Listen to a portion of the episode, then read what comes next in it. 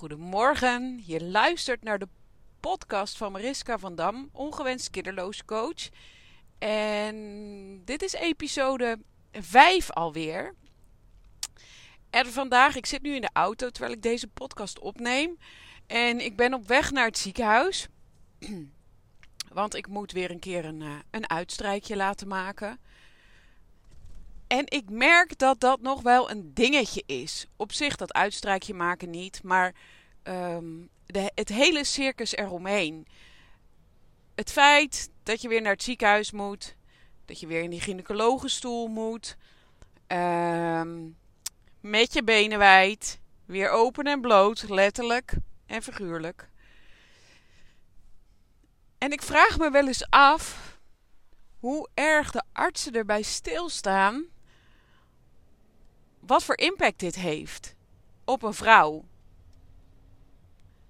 Misschien spreek ik echt voor mezelf, dat weet ik niet. Maar ik merk dat ik het best lastig vind. En dat het ook wel wat schade heeft aangericht bij mezelf. Ik heb al helemaal geen zin om naar het ziekenhuis te gaan. En uh, ja, ik vind het altijd wel wat gênants hebben. Dus um, ja, je staat uh, nu, echt vijf minuten geleden kom ik nog onder de douche vandaan. Misschien best een intieme podcast, maar het is wel, het is wel waar het, ja, wat een belangrijk onderdeel is van wat je, wat je jaren hebt meegemaakt als je, als je door de malle molen van het ziekenhuis bent gegaan. Um, dus ja, ik ben net vijf minuten geleden uh, onder de douche gegaan, gewassen. Uh, nou, helemaal fris en, en fruitig. Um, ja, ja, dit is echt wel heel intiem, maar ik vind toch dat ik het moet delen. Je staat alles netjes te scheren, alles moet netjes eruit zien. Uh, even de beentjes insmeren. Uh, nou ja, uiteraard schoon ondergoed aan. Maar ook um, even een washandje mee. Want als ik straks toch nog even naar het toilet moet, even moet plassen, dat je daarna weer even kan wassen daar. Want je moet straks daar weer met je benen wijd in die stoel. Ja, ik vind het, ik vind het echt heel. Uh, ik vind het echt wel een dingetje. En um, het is heus geen trauma, maar ja, het is wel een heel intiem. Iets heel intiems. En. Ik ben benieuwd hoe anderen dat ervaren. Want we, we spreken daar eigenlijk met z'n allen nooit over. En, dat, en het is een onderwerp waar je. Ja, het is niet echt een gezellig keukentafelgesprek. Maar het is, wel, het, is, het is wel een onderdeel van het hele proces. Wat. Um, ja, wat best wel beladen is. En ik ben eigenlijk heel benieuwd ook hoe de artsen daarover denken. En ik ben denk ik gewoon vandaag zo brutaal om te vragen of een arts daar ook bij stilstaat of die erbij stilstaat hoe intiem het is en welk intiem gebied. Het is voor hem natuurlijk een zakelijk werkje. Dat snap ik wel. En hij doet, of zij, doet gelukkig ook goed zijn werk. Maar ik kan me ook herinneren dat ik uh, toen ik in de IUI en IVF-procedure zat, dat het vandaag dokter A was, morgen echo dokter B, overmorgen nog weer een echo dokter C. En dan dokter D. En dan weer dokter A. En dan weer dokter C. En, en oh ja, um, we hebben een arts in opleiding. Mag hij of zij ook even met jou meekijken? Of het zijn er eigenlijk. Ja, sorry, het zijn er drie. Ja. Um, vind je dat erg? Nee, tuurlijk niet. Nee, nee. Zij moeten het ook leren. Hartstikke belangrijk. Maar man, je voelt je ook zo gênant. Het voelt zo ongemakkelijk. Staan er ineens drie of vier artsen daar naar binnen te kijken. Wat toch wel, uh, wat je eigenlijk liever niet wil. Maar ja, je ligt er voor een goed doel, dus je zet je daar overheen. En je, en je doet het gewoon. En iedere keer doe je het gewoon. En toch vind ik dat we er vaker stil bij mogen staan dat dat echt niet zo vanzelfsprekend is. En dat het echt wel een inbreuk is op je privacy. En dat wil ik eigenlijk eens met hem bespreken. Ik wil eens kijken. Ik weet eigenlijk niet eens. Ik moet nu naar het ziekenhuis voor een uitstrijkje. Ik weet niet eens of bij een man of een vrouw kom. Ik heb echt geen idee. Maar goed, uh, dat gaan we zien. Ik ga het met hem of haar eens bespreken. Of ik ga vragen of ik een keer een interview mag doen. Een podcast interview met een gynaecoloog. Want ik ben gewoon benieuwd. ik ben benieuwd hoe zij daarmee omgaan en hoe zij dat ervaren en hoe zij daarnaar kijken.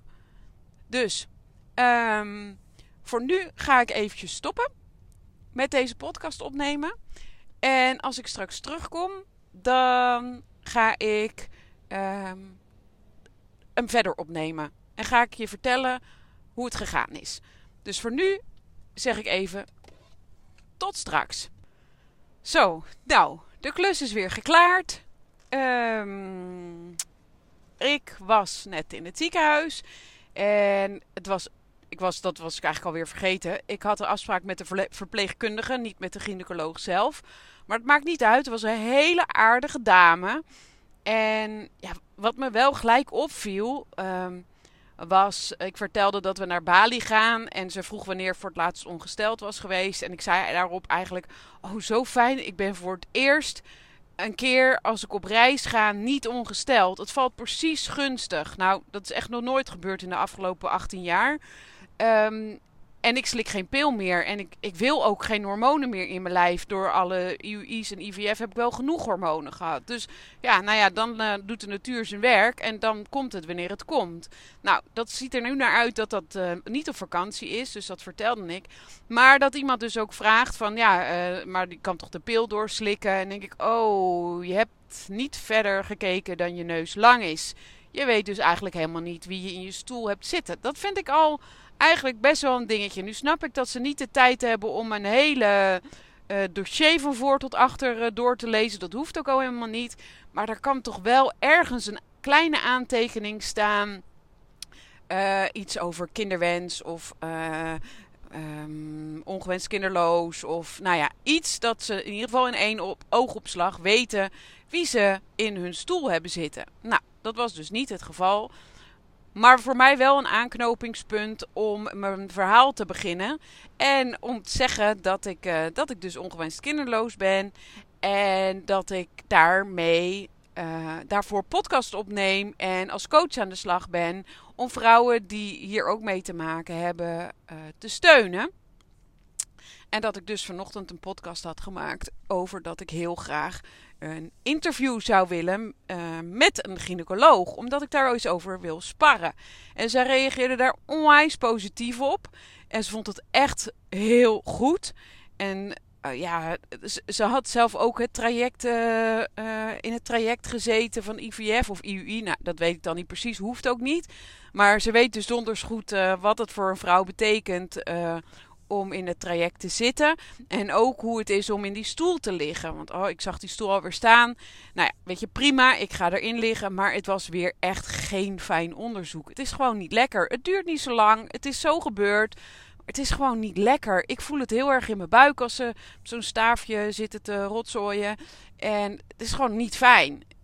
Het is maar een paar tellen. Het is misschien nog geen twee minuten en dan is het alweer klaar.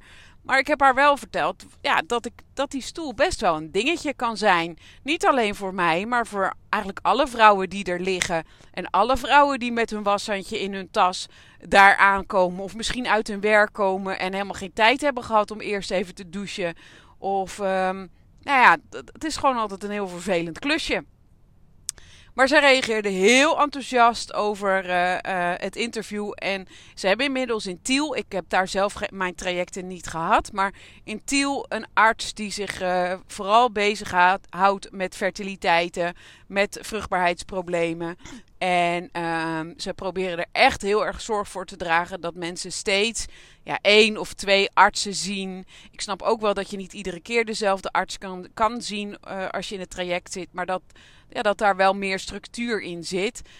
Um, en ik denk ook dat dat inmiddels in andere ziekenhuizen ook wel zo is. Maar ze reageerde heel enthousiast en zij ging zeker aan die fertiliteitsarts vragen of uh, zij met mij een interview uh, zou willen doen. Ja, dat zou echt, echt te gek zijn. Um, over drie weken moet ik terugbellen voor de uitslag. En dan kan ik ook gelijk even vragen of ze die arts uh, uh, gesproken heeft. Als die arts mij nog niet gebeld heeft. Ik hoop zo dat ze hiervoor in zijn. Ik vind het zo belangrijk. Want oh ja, terwijl ik in de wachtkamer zat te wachten. Um, dan scan je zo eens even langs de muren. Hè. Daar hangen altijd wel wat aanplakbiljetten. En ehm, nou ja, er ging natuurlijk een aantal over het coronavirus, dat snap ik. Maar ook over uh, zwanger zijn en uh, borstvoeding geven. Maar niets, echt niets over of trajecten of ongewenste kinderloosheid. Niets, niets, niets. En daar heb ik, en ik denk wel meerdere mensen met mij, zeker nog een punt te maken. Want ik vind echt dat daar veel meer aandacht voor moet zijn. Echt moet zijn. En dat is er veel te weinig in het ziekenhuis. En dat heb ik de beste dame, hartstikke lieve vrouw, ook echt op de hart gedrukt. Dat dat, dat mijn missie is. En dat ik vind dat we, daar, um, dat we daarvoor moeten strijden. En uh, dat stond ze helemaal achter. En ik ben heel benieuwd uh, of dit een vervolg gaat krijgen. En, uh, en als dat hier niet is, dan ga ik mijn artsen in, het, uh, in Leiden, in het LUMC, zeker contacten. Of de arts in het UMC. Maar ik heb zelf heel veel goede ervaringen wel met het LUMC in Leiden.